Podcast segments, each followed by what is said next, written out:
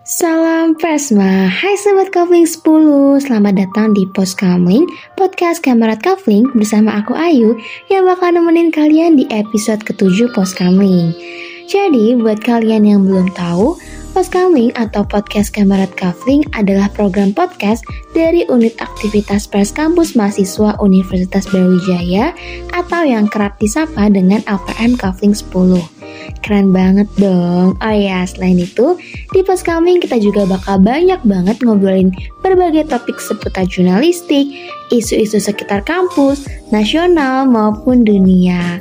Pasti udah gak sabar banget kan buat dengerin episode ketujuh Pos Coming? Makanya simak terus obrolan kita ya. Nah, jadi di episode ke-7 Plus Kamling ini kita bakalan ngomongin isu yang belakangan cukup hangat diperbincangkan oleh mahasiswa UB nih. Di mana tepatnya kita bakal kulik abis isu aksi seruan amarah Brawijaya beberapa waktu yang lalu. Tak lupa kita juga sudah menghadirkan seorang narasumber yang luar biasa. Yuk langsung kita sapa saja narasumber kita yang luar biasa ada Kak Raffi Nugraha. Nah, kalau boleh tahu Kak Raffi ini dari fakultas apa dan angkatan berapa ya, Kak? Ya, saya dari Fakultas Ekonomi angkatan 2017 gitu.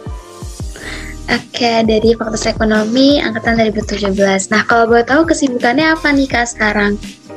Saya sebelumnya itu aktif di EM. Uh, di periode pertama saya aktif di sebagai wakil menteri gerakan kebijakan kampus Terus selanjutnya tahun 2021 saya diamanahi oleh Ali Yafi, Pres Ali untuk menjadi Menko Pergerakan Mahasiswa EM. Saya juga aktif juga di BMSI seluruh BMSI BEM seluruh Indonesia ya di BMSI Kerakyatan uh, sebagai koordinator isu pendidikan tinggi. Kalau sekarang saya uh, itu aktivitas saya sebagai ketua umum HMI Unif Brawijaya. Gitu. Oke, wah banyak banget nih kegiatannya Semoga selalu dilancarkan ya Kak untuk segala urusannya. Seperti yang kita udah tahu sendiri, kemarin habis sempat ramai diperbincangkan mengenai aksi seruan amarah Brawijaya yang lagi gencar-gencarnya buat menegakkan kesejahteraan mahasiswa Universitas Brawijaya. Di mana aksinya sendiri ini mencakup banyak tuntutan mahasiswa kepada pihak kampus, uh, salah satunya yaitu mengenai kebijakan UKT yang ada di Universitas Brawijaya sendiri. Nah, dari yang kami ketahui sendiri tuh Uh, sebelumnya aksi ini diawali dengan aksi awal Kak Raffi yang mengusulkan agenda konsolidasi. Nah, di sini boleh diceritain dong Kak tentang latar belakang aksi dan awal mula Kakak akhirnya bergerak buat mengangkat isu tersebut di aksi seruan amarah Brawijaya kemarin. Uh, yang pertama gini, kalau untuk teman-teman amarah kemarin itu mungkin lebih banyak terlibat kawan-kawan EM ya, yang yang yang terlibat ya. Uh, tapi juga uh, apa nanti mungkin bisa ditanyakan lebih detail ke teman-teman EM ya. Cuman ya sedikit lebih aku juga paham lah yang melatar belakangi karena momen aksi di Amarah itu nggak cuman kemarin aja ya. Karena kan juga aksi-aksi di Amarah aku rasa sebelum-sebelumnya atau aksi-aksi isu KT sebelumnya itu sama aja gitu. Kampus belum memberikan rasa apa ya, belum memberikan ini ya sederhananya keringanan mungkin ya, keringanan UKT bagi mahasiswa gitu yang di mana konteks kita hari ini ini masih dalam momen pandemi walaupun mungkin ada yang mengklaim sudah masuk dalam new normal sudah ada endemi dan sebagainya cuma kan aktivitas ekonomi kita hari ini masih masih masih sama saja artinya masih sulit gitu kan.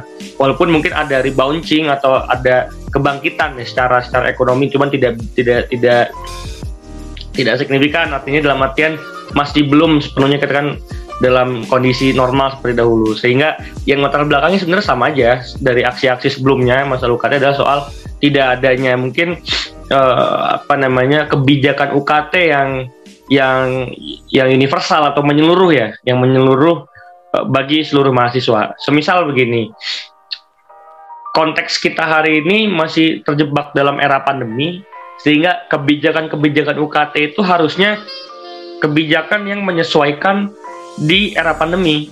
Artinya perlu ada apa itu namanya extraordinary policy atau kebijakan yang luar biasa uh, untuk bisa memangkas persoalan ataupun problematika UKT di masa Universitas Brawijaya.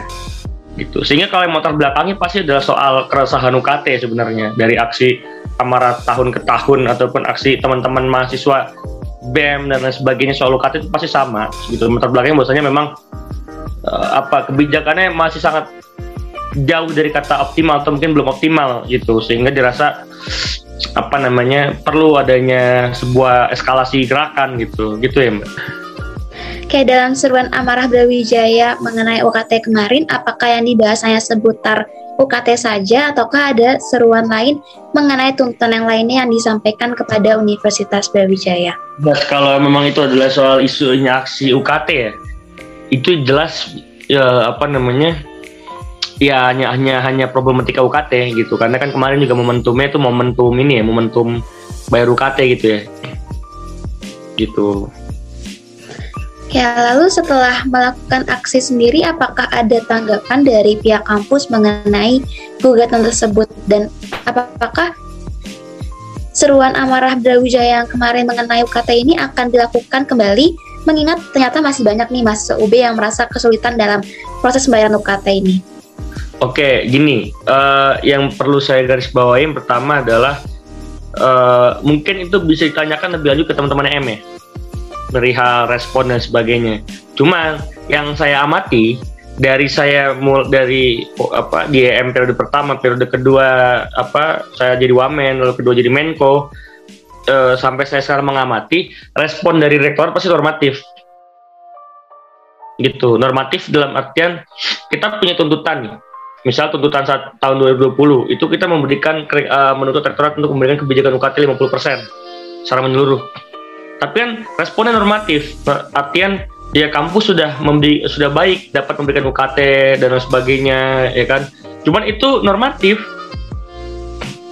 Misal yang menjadi aturan pertor hari ini adalah pertor uh, yang menjadi acuan kerangka hukum hari ini adalah pertama pertor nomor 40 tahun 2020 itu menjadi acuan kebijakan kerjaan UKT ya itu di pertor nomor 40 tahun 2020 tapi coba kita bedah dan analisis pertor tersebut.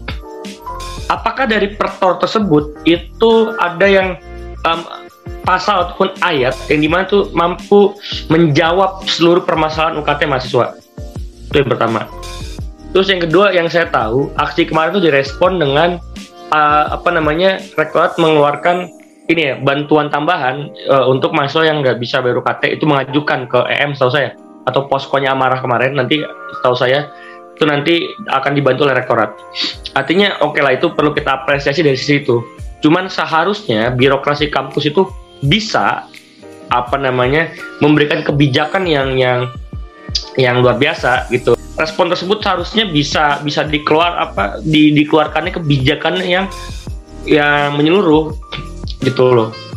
Yang mampu apa ya secara secara universal tidak lagi harus ngajuin UKT misalnya kayak uh, dengan persyaratan yang administratif. Sementara pandemi ini itu kan kita terhambat juga di di pos-pos administratif. Misal mau ngajuin dengan UKT harus ada bukti pendukung surat kematian, surat miskin, surat keterangan tidak mampu, surat sakit, surat pensiun dan sebagainya. Itu kan terlalu administratif. Sehingga harusnya kebijakan-kebijakan seperti ini bisa dipangkas ya kan yang sifat administratif seperti itu mungkin mbak. Artinya kalau menurut saya aksi tiap aksinya marah itu yang pertama respon dari kampus pasti normatif gitu. Tidak ada yang dijawab dengan ini kita memberikan bantuan ini, bantuan ini, bantuan ini gitu. Cuman saya patut perlu apresiasi kampus juga ya kemarin memberikan bantuan ke mana ke pihak kampus apa ke pihak eh, mahasiswa gitu kan dengan bantuan tambahan tadi itu mungkin patut diapresiasi cuman mungkin menjadi catatan dan PR ke depan adalah bagaimana ke depan tuh membuat kebijakan yang mampu diakses oleh seluruh mahasiswa. Begitu, Mbak. Oke, bener banget sih karena uh, di lingkungan uh, teman-teman sendiri itu banyak yang melakukan mengenai kebijakan UKT dan ketika ingin mengajukan memang terhalang di uh, administrasi karena persyaratannya memang susah harus menyerahkan seperti surat kematian ataupun surat uh, lain-lainnya yang sebenarnya tidak bisa dipenuhi tapi kalau dilihat terkait keadaan ekonominya sebenarnya membutuhkan bantuan tersebut, cuman tidak memiliki surat administrasinya seperti jadi memang agak kesulitan di situ. Nah, uh, menurut kakak sendiri sebenarnya apa hal yang paling fundamental dalam seruan aksi amarah Brawijaya kemarin? Apakah pada nominal UKTK atau pada respon kampus mengenai permasalahan tersebut? Yang saya paham dari tuntutannya ya, yang pertama begini, uh, yang yang menjadi hal mendasar perihal tuntutannya itu yang pertama. Uh, dalam dalam dalam menyusun grand grand design kebijakan kampus uh, hari ini perihal pendidikan UKT itu masih terlalu sangat normatif. Gitu masih terlalu sangat normatif artinya kita hari ini uh, acuannya tadi Pertor nomor 40 tahun 2022 sebenarnya kalau kita bedah Pertor tersebut itu normatif. Pengajuan harus mengaj uh, harus ada pengajuannya penundaannya uh, pembebasan sementara dan sebagainya. Saat pembebasan sementara adalah ketika terdampak musibah dan sebagainya. Sementara ada case-case yang di mana tidak masuk dalam uh, pembebasan sementara. Misal ada orang tua meninggal. Ada satu mahasiswa orang tua meninggal. Ya kan? Diadvokasikan. Itu kan? Mengajukan pembebasan sementara. Itu bisa tertolak. Karena pas karena uh, syaratnya itu setahu saya kalau untuk pembebasan sementara itu adalah case yang di mana tuh terkena bencana alam uh, mus ya terkena bencana. Gitu kan? Sementara ini orang tua meninggal itu kan apa ya? Ya amat memprihatinkan gitu. Artinya pertorinya juga subjektif nomor 40 subjektif kenapa saya katakan subjektif karena kalau pertorinya objektif jumlah presentase penerimaan dan uh, apa ya penerimaan pengajuan bantuan UKT setiap fakultas itu sama yang diterima. Cuman case-nya hari ini ada ada fakultas yang kalau ngajuin itu gampang banget. Ada case fakultas yang sulit banget. Jadi misalnya fakultas A ngajuin itu pasti auto ke ACC karena WD2-nya baik misalnya. Tapi ada yang WD2 sangat selektif sehingga penerimaannya sulit. Ini kan artinya penerimaan bantuan itu sangat subjektif, Mbak. Gitu, teman-teman. Sehingga pertor ini harus yang dibuat objektif, tapi dapat di penafsiran penerimaan itu sangat subjektif. Itu bermasalah saya rasa.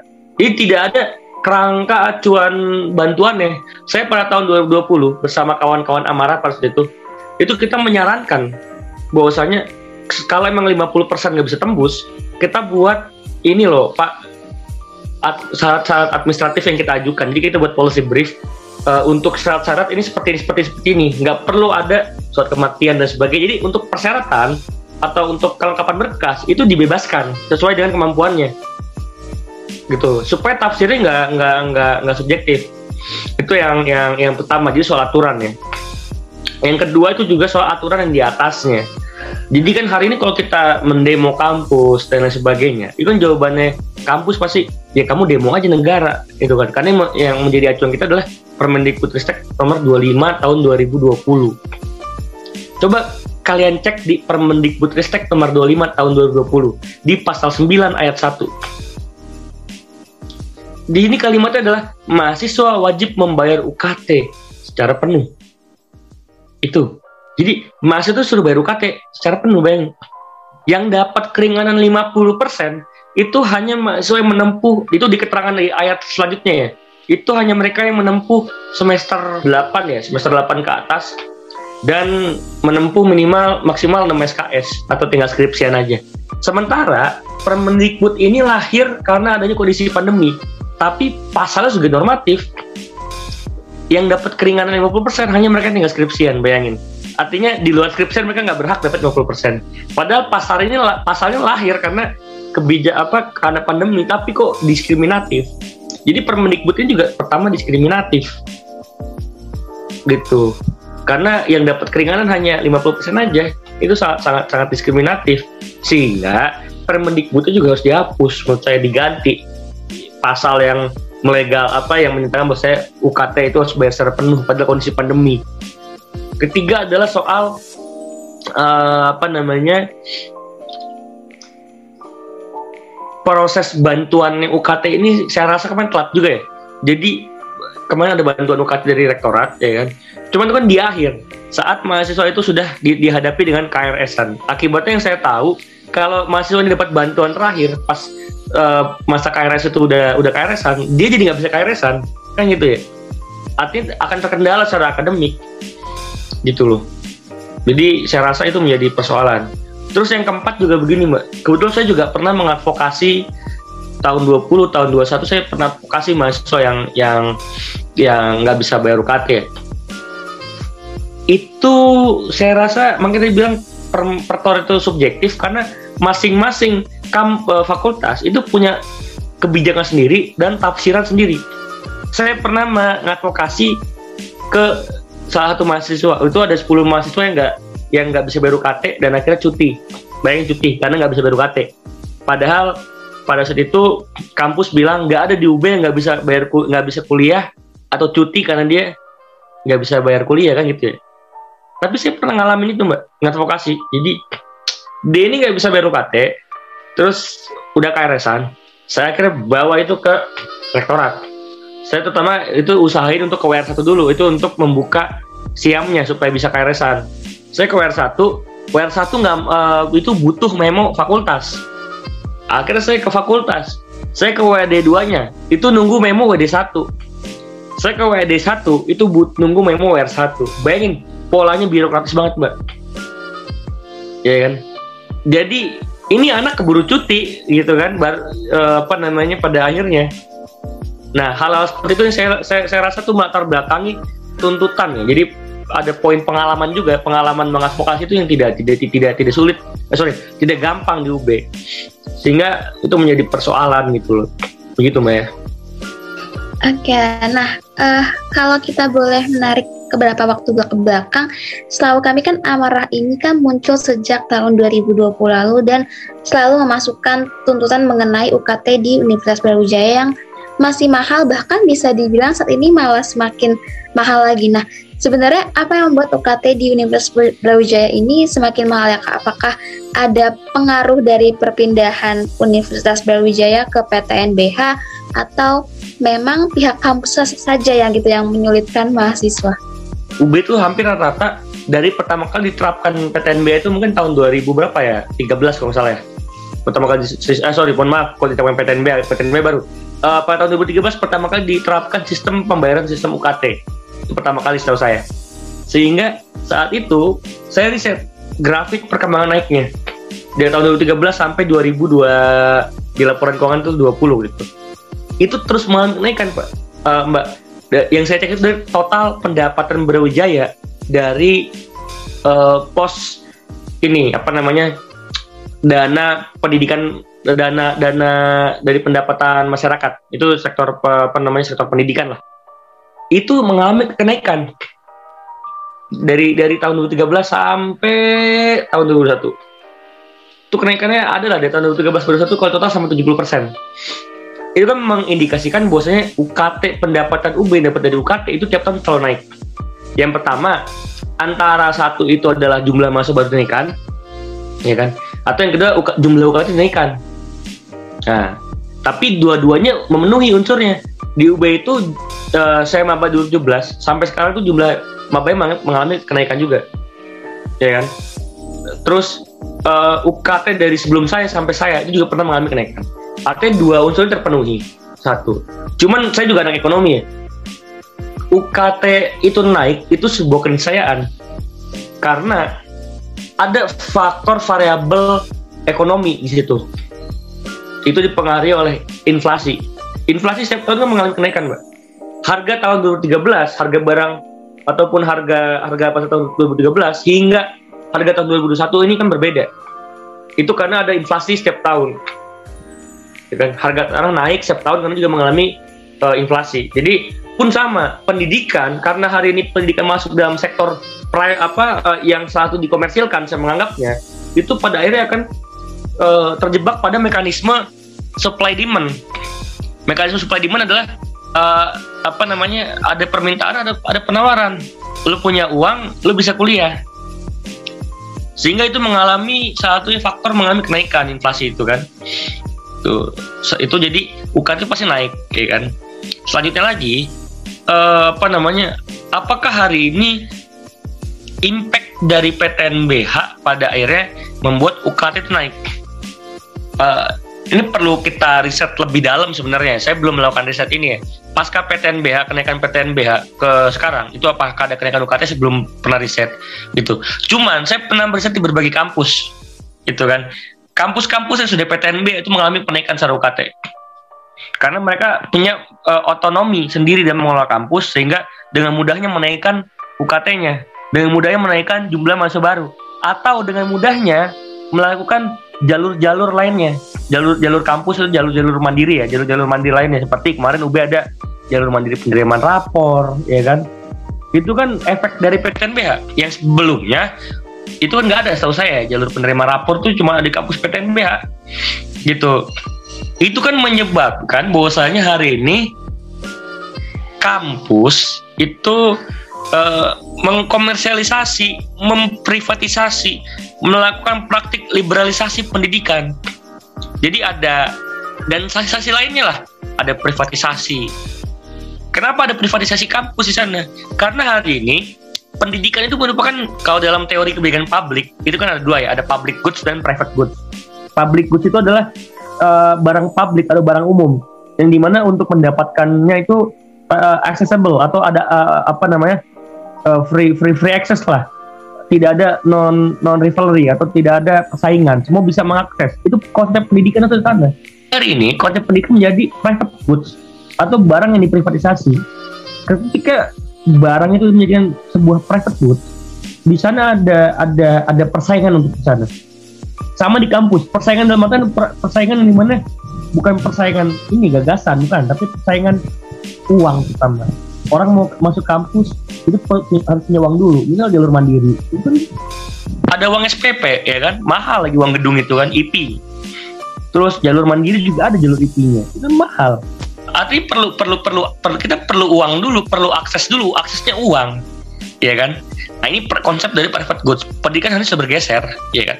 Itu itu itu, itu pertama soal privatisasi. Kedua soal liberalisasi Hari ini dengan ada konsep PTNBH yang dilegalkan di Undang-Undang Nomor 12 Tahun 2012 itu merupakan konsep dari liberalisasi pendidikan. Artinya pendidikan hari ini itu dilempar ke mekanisme pasar liberal. Liberal kan artinya kebebasan, ya kan? Dibebaskan dari dari negara, ya kan? Negara yang harus bertanggung jawab, ya kan? Di konstitusi kita bunyi gitu.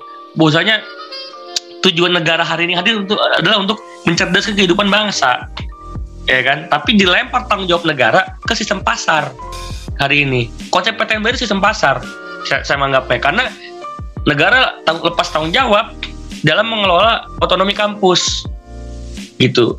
Terus abis itu ada soal privatisasi udah, komersialisasi pendidikan. Ya hari ini ya pendidikan menjadi barang komoditi yang dikomersilkan. Pendidikan menjadi sebuah komunitas yang dikomersilkan. Dengan contohnya apa? Jalur mandiri, jalur mandiri-mandiri lainnya lah, ada jalur penerimaan raport dan sebagainya, itu kurang komersil apa? Artinya kan kalau konsep komersil itu, lo punya uang, lo bisa beli. Sama seperti hari ini, lo bisa masuk kuliah, ya kan? Kalau keterima ketolak SNM, SBM, lo masih bisa kuliah nih. Tapi apa bayar ada uang IP-nya kan nggak semua orang bisa bayar uang gedung apalagi uang IP kan mahal pak sampai 40 juta 60 juta gitu kan itu konsep komersil banget hari pendidikan itu gitu yang saya rasa sangatlah apa ya harus dihapuskan seperti gini Eh, gitu. Padahal kalau kita tarik dari sejarah PTNBH itu, pertama kali itu kan PPBHMN ya, kalau nggak salah tahun tahun 98 ya zamannya 98 99 saya lupa. PPBHMN tuh zamannya Pak Habibie kalau nggak salah pas itu. Ada beberapa kampus contoh percontohan itu untuk yang PPBHMN tadi uh, Badan Hukum Milik Negara itu ada ITB, UI, setahu saya itu salah satu kampus yang BHMN. Terus masuk dalam UU Siktinas soal uh, bahwasanya kampus bisa menjadi apa pendidikan bisa menjadi tanggung jawab masyarakat. Terus tahun 2011 apa mohon maaf lahirlah namanya Undang-Undang BHP Badan Hukum Pendidikan. Undang-Undang BHP yang pada akhirnya dibatalkan oleh MK. Ya kan? Di GR pada saat itu oleh masyarakat sipil sipil uh, untuk menghapus Undang-Undang BHP karena Undang-Undang BHP ini jelas konsep komersil. Ya kan? Terus tahun 2012 lahir lagi undang-undang yang serupa. Itu undang-undang dikti yang kita pakai sampai hari ini. Itu undang-undang nomor 12 tahun 2012. Ya, jadi begitu, Mbak. Oke, nah dari apa yang sudah disampaikan Kakak tadi sebenarnya sebenarnya apa langkah atau hal seruan uh, hal lain dari seruan aksi Amarah Brawijaya yang sekiranya dapat membantu membuka kesadaran lah bisa dibilang pihak kampus bahwa ma banyak nih mahasiswa Universitas Brawijaya yang mengalami kesulitan dari pembayaran UKT sendiri. yang pertama langkah uh, apa taktis perjuangan yang bisa kita lakukan yang pertama adalah kita coba ukur jangka panjang dan ukur jangka pendek terlebih dahulu. Perjuangan di sektor pendidikan itu apa yang bisa kita lakukan? Ya kan? Cara apa namanya uh, yang bisa kita lakukan ya secara jangka panjang secara ini jelas. Saya rasa per, kita harus melawan undang-undang nomor 12 tahun 2012. Karena dalam undang-undang tersebut itu melegalkan praktik PTNBH karena jelas aku saya lupa pasal berapa ya cuman jelas dalam satu pasal itu berbunyi bahwasanya kampus itu dapat berbadan hukum ketika kampus dapat berbadan hukum maka itu membuka keran liberalisasi keran privatisasi dan keran komersialisasi pendidikan ataupun demokrat apa uh, ya keran-keran anti demokratis dalam kampus itu dapat terbuka dalam da, dari dari undang-undang ini. Kita hari ini mengamini sistem pendidikan neolib saya rasa. Ya kan? Neoliberalisme gaya gaya pendidikan kita hari ini. Di undang-undang dikti ini sudah sudah saya rasa membaca sudah sudah gaya-gaya neolib. Kan seperti itu ya. Artinya kita harus harus harus melawan ini undang-undang karena lahirnya undang-undang hari ini apa uh, sorry lahirnya kampus-kampus yang berbadan hukum hari ini itu karena undang-undang nomor 12 tahun 2012 tentang undang-undang pendidikan tinggi undang PT atau undang dikti. Ini berbahaya saya rasa. Kalau undang-undang masih ada, kampus akan dengan sah apa uh, akan dengan uh, bebas melakukan praktik-praktik tadi komersialisasi, liberalisasi dan privatisasi kampus gitu. Apalagi diperparah dengan aturan di bawahnya itu Permendikbud nomor 5 eh sorry saya lupa Permendikbud nomor 5 67 2020 tentang uh, kampus merdeka. Kan salah satu poin di kampus merdeka itu yang teman-teman harus lihat itu bukan soal enaknya magang bukan. Cuman ada di satu pasal di undang-undang tersebut tentang kampus merdeka atau MBKM kemudahan PTNBH yang tadinya kampus akred C itu nggak bisa mengadakan PTNBH sekarang kampus uh, yang akreditasi C itu bisa ngajuin PTNBH bayangin. Kampus yang akreditasi C itu bisa ngajuin PTNBH dan sebagainya lah dengan akses-akses kemudahan kampus di dipermudah PTNB dalam program MBKM ini. Itu yang sangat apa ya yang bagi saya perlu dilawan undang-undang nomor 12 tahun 12 ini. Dengan apa kita lawan melakukan judicial review gitu. Karena sejarah pernah mencatat tahun 2011 bahwasanya undang-undang BHP dibatalkan oleh Mahkamah Konstitusi.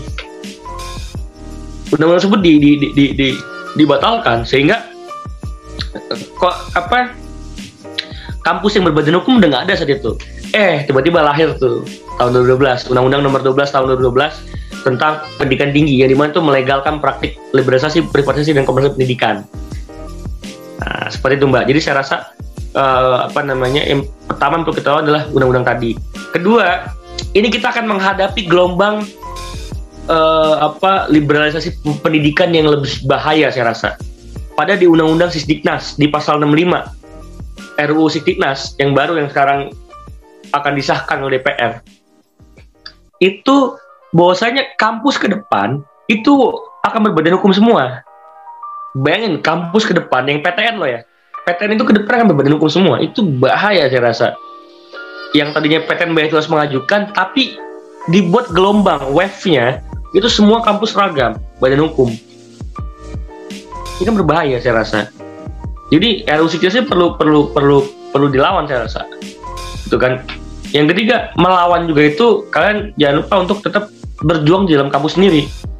Setidak-tidaknya kita melawan di internal kita sendiri bahwasanya UKT itu harus murah. Biaya pendidikan itu harus murah. Biaya pendidikan itu harus bisa dijangkau oleh seluruh masyarakat. Saya rasa hal-hal tersebut yang yang perlu digaungkan oleh tiap mahasiswa. Dengan apa? Mengadakan diskusi seperti ini misalnya, podcast seperti ini misalnya, mengadakan propaganda-propaganda misalnya, mengadakan aksi-aksi perlawanan misalnya. Itu yang yang yang yang yang saya rasa perlu perlu dilakukan oleh oleh oleh oleh kawan mahasiswa. Bahwasanya jangan lupa musuh sejati utama kita hari ini adalah selain oligarki ya. Oligarki itu juga memiliki kaki tangan ke bawah yaitu mempengaruhi pada sistem biaya pendidikan kita hari ini yang di mana biaya pendidikan kita hari ini tidak tidak accessible atau ada barrier to entry-nya gitu kan? Ada ada ada ada penghalang ya. Penghalangnya apa? Yaitu KT mahal atau SPP mahal atau biaya pendidikan yang mahal? Oke nah terakhir nih kak. Uh, pesan atau mungkin closing statement yang ingin disampaikan untuk semua pendengar podcast mengenai topik kali ini? Kalau pesan dan ini atau closing statement yang saya sampaikan adalah busanya uh, musuh salah, salah satu musuh kita hari ini adalah atau PR lah salah betulnya ah, salah satu pendidikan kita hari uh, sorry. Salah satu tugas salah satu tugas kita hari ini adalah membenahi sistem pendidikan kita hari ini. Mungkin terlalu utopis. Apa membenahi sistem pendidikan terlalu utopis mungkin ya. Uh, karena kita gerakan kita kan kan gerakan ekstra parliamentary ya atau gerakan di luar sistem gitu kan. Gerakan kita kan, kan ada adalah gerakan rakyat ya gerakan perjuangan grassroots di akar rumput dan sebagainya gitu kita bukan masuk dalam sistem ya kan cuma gerakan kita adalah gerakan ekstra parliamentary gerakan jalanan gerakan rakyat gerakan kampus simbol-simbol kampus dan sebagainya sehingga yang perlu kita uh, lawan hari ini terdekat adalah soal sistem pendidikan sistem pendidikan kita hari ini masih mengamini gaya neoliberalisme sehingga lahirlah praktik privatisasi, praktik liberalisasi, praktik komersialisasi pendidikan. Gitu. Sehingga tiga unsur ini yang perlu kita berangus gitu. Dan kita secara harus mengingatkan kepada negara ya, bahwasanya tujuan hari ini negara lahir adalah untuk mencerdaskan kehidupan bangsa. Hari ini negara lahir itu karena tujuannya adalah untuk memberikan akses pendidikan yang merata. Kita jangan hari ini kan pasti para penguasa bilang, ya PR utama hari ini soal pemerataan pendidikan, akses pendidikan dan sebagainya. Ya, ya jelas hari ini pendidikan belum merata. Bagaimana pendidikan mau merata kalau ada barrier to entry untuk pendidikan? Harus dilepas dulu barrier to entry-nya. Ketika barrier to entry sudah nggak ada, saya rasa pendidikan akan merata. Baik di Pulau, Pulau Jawa dan sebagainya. Ini baru berbicara UKT ya.